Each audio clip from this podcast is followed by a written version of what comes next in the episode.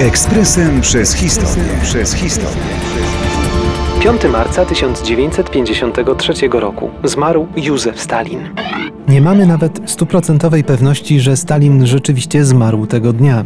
Jeden z największych zbrodniarzy w historii świata stworzył tak rozległy aparat strachu, terroru i kłamstw, że nigdy pewnie nie poznamy całej prawdy o jego ostatnich dniach.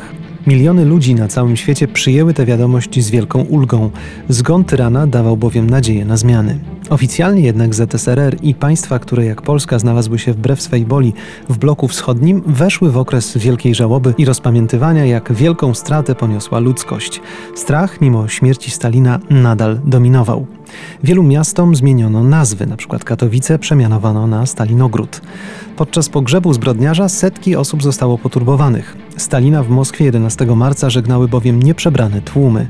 W Związku Radzieckim żałoba trwała kilka dni, w Polsce tylko w dniu pogrzebu. Poeci, pisarze i muzycy prześcigali się w utworach żałobnych na cześć Stalina, najczęściej nie mając wyjścia i robiąc to pod przymusem.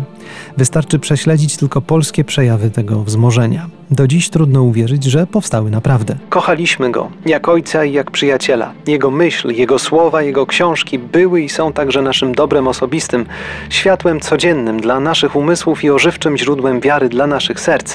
Pisał Leon Kruczkowski. W podobnym tonie stworzyli wiersze Szymborska czy Gałczyński. Chyba najlepiej to wszystko skomentował słynny kurier z Warszawy Jan Nowak-Jeziorański. Kult krwawego tyrana, sprawcy rozbioru Polski, mordu katyńskiego i tragedii powstania warszawskiego osiągnął bezpośrednio po jego śmierci punkt szczytowy. Lepiej nie wymieniać znanych nazwisk pisarzy, publicystów, artystów prześcigających się wzajemnie w żałobnych hymnach pochwalnych i płaszczących się w pośmiertnych hołdach. Ekspresem przez historię. Przez historię.